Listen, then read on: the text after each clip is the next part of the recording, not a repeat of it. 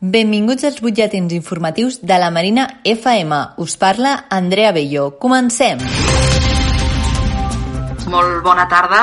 Com a presidenta del Consell Plenari del districte de Sants Montjuïc us dono a tots la benvinguda, regidor, regidora, consellers i conselleres municipals, a totes les persones també que ens segueixen a través del canal YouTube en aquest primer eh, plenari telemàtic com a conseqüència de la pandèmia que estem vivint.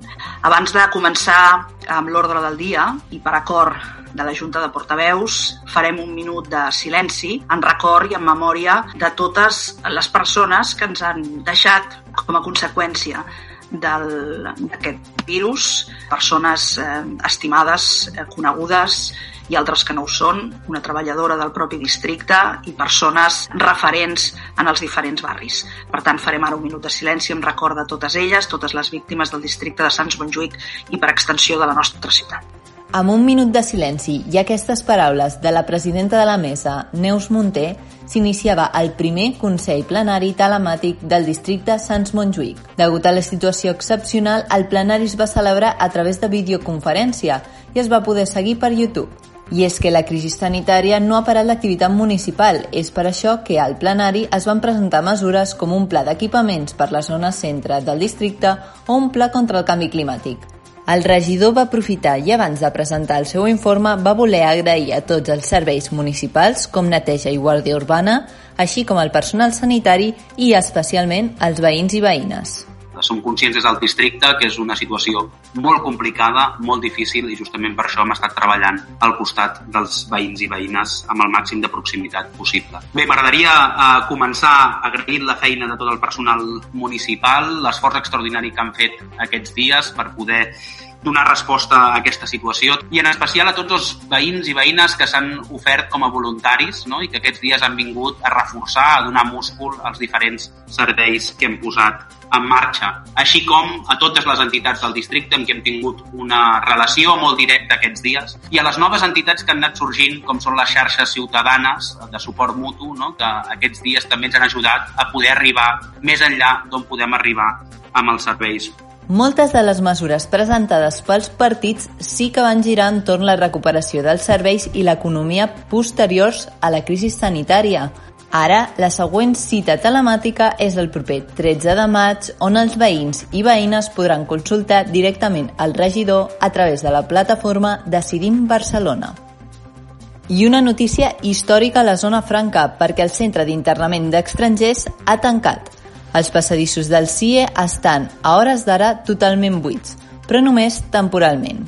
Bé el de la zona franca i els de tota Espanya.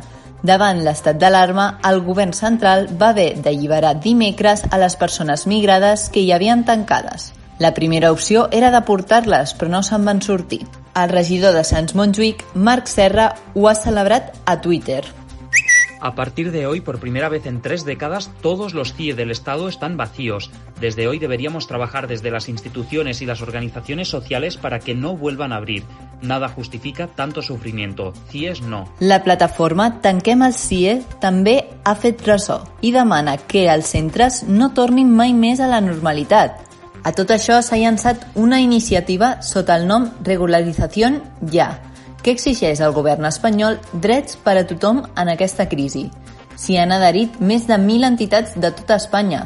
Casa Nostra, Casa Vostra n'és una i ho demana en aquest vídeo. Aquí, si no tens papers, no tens drets. Perquè ningú es quedi enrere. Papers per tothom. Per cert que la Fundació Migra Studium ha alertat que el CIE de la zona franca està esquitxat per 38 casos de possibles menors reclosos. A més a més, denuncia racisme, tractes degradants o intimidatoris.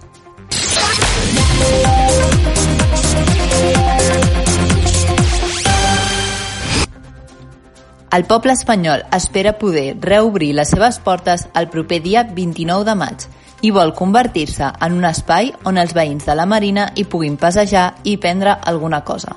La crisi del coronavirus ha fet que el poble espanyol hagi tancat les seves portes temporalment. El que ha afectat els propietaris dels comerços, que en la seva majoria són famílies que porten diverses generacions treballant en aquest espai. Un espai dedicat a l'artesania i la producció de quilòmetre zero. La Montse Roman, propietària de la botiga Mantones i Mantilles, fundada el 1941 i presidenta de l'Associació de Comerciants del Poble Espanyol, ens explica la importància que té aquesta artesania. Per exemple, el meu negoci és únic negoci singular al poble espanyol i és únic, hi ha artesanies úniques al poble espanyol i si les tanquen pues, perdrem una cosa molt històrica. Som una tradició de la ciutat i hem estat declarat punt d'interès artesanal per la Generalitat de Catalunya. És molt important que l'artesania té que valorar molt durant el confinament, els comerciants no han parat de fer feina per tornar a activar el poble espanyol. De fet, han participat en el recapte d'aliments de la Marina. També al seu Instagram, arroba comerciants del poble espanyol, la Montse fa un directe els divendres a les 6 per conèixer algun membre del poble desitgen que un cop hagin obert, els veïns de la Marina hi puguin anar a passejar i poder reactivar el poble espanyol des de la proximitat. És per això que han habilitat una enquesta mitjançant la qual podeu guanyar una entrada vàlida durant un any. El link el trobareu aviat al nostre web. El saxofonista Joan Miquel Ripoll delecta amb la seva música en directe als veïns i veïnes de la Marina.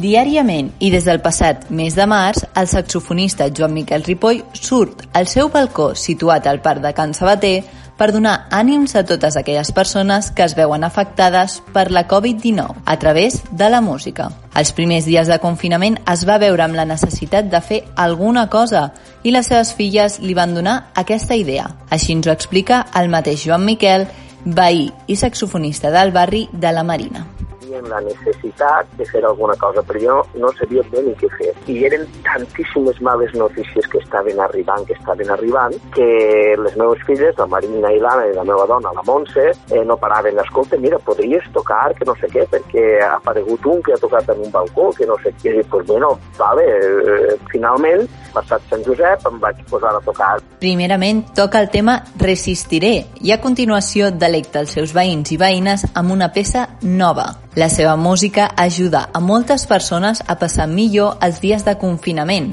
sobretot aquelles que no poden sortir de casa. A més a més, les seves peces trenquen fronteres i gràcies a les xarxes socials i al programa matinal de la Marina FM més a prop teu, arriben a molts llocs més enllà de Catalunya. I pel proper diari en paper de la Marina, que sortirà a mitjans d'aquest mateix mes, volem reconèixer la tasca de les treballadores i treballadors de la neteja. Per això us deixem un petit tast del tema de la nostra contraportada. I és que durant aquests dies el seu treball està sent essencial per la desinfecció de les comunitats de veïns i veïnes, tant del barri de la Marina com de tot el món. Molts dels treballadors del sector han patit durant molts anys un tracte deshumanitzant per una tasca fonamental per la higiene dels veïns. Ara, quan la neteja dels espais públics és més important que mai, el personal de neteja comença a ser reconegut i agraït per la seva tasca. La Dolores és una d'aquestes senyores de la neteja, una denominació que s'ha popularitzat malgrat que també hi ha homes a la professió. Primero entendían de que nosotras también podíamos coger el virus, pero mi experiencia es que siempre han dicho, es que vosotras tenéis que venir a limpiar. Sí, porque hay que desinfectar, hay que venir a limpiar, pero con miedo a que te den de lado, ¿no? Por si lo has contagiado. Han empezado las personas de las comunidades a reconocer y a darte las gracias, a mimarte, ¿no? Nos sentimos contentas porque, la verdad, han reconocido el trabajo de la señora de la limpieza, que era tú eres la señora de la limpieza, a ti se te paga para quitar la basura y ahora no, ahora empieza, ay, menos mal que seis vosotras, ahora van reconociendo. La han reconocido, pero siempre con la actitud de que yo pago. Yo pago y tú limpias. Ahora ya no tanto. Yo pago, tú limpias, pero tener cuidado y gracias por estar ahí. Hoy se han dado cuenta de que las señoras de la limpieza, igual que los hombres de la limpieza, que son todos hombres y mujeres, tenemos que estar ahí, al pie del cañón, para barrer las calles, para limpiar las comunidades, para limpiar los, eh, los hospitales, para limpiar los supermercados, los colegios. Tenemos que estar ahí. Si no estamos ahí, no se limpien. La Dolores ens explicarà aquest pas entre la deshumanització del seu ofici el petit reconeixement que ara comença a tenir el personal de neteja. ara igual d'important que sempre per mantenir la higiene dels espais públics i privats.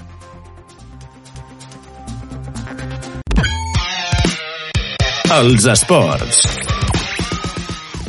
Cristian Fabregat deixa l'energia després de 12 anys al club. La Unió Esportiva Sants s'acomiada de dos jugadors veterans del club en només una setmana. Ahir us parlàvem de la sortida del davanter Sergio Navarro i avui us hem d'informar de la marxa del lateral sancenc Cristian Fabregat. El jugador verd i blanc ha fet pública la notícia amb una carta a les seves xarxes socials. En aquest escrit expressa que hi ha moments en què s'han de prendre decisions i afrontar-les. Afegeix també que durant tot aquest temps vestint de verd i blanc han aconseguit formar una família. Les reaccions a la carta no han trigat en arribar. Molts dels seus coneguts dins l'equip han coincidit que el temps que han compartit amb el Christian ha estat tot un plaer. La Marina FM. Serveis informatius. I fins aquí les notícies del barri i del districte. Seguim informant a la marina.cat i connectats a tot allò que passa a prop nostre a l'Instagram i Twitter La Marina Cat, així com a la nostra pàgina de Facebook.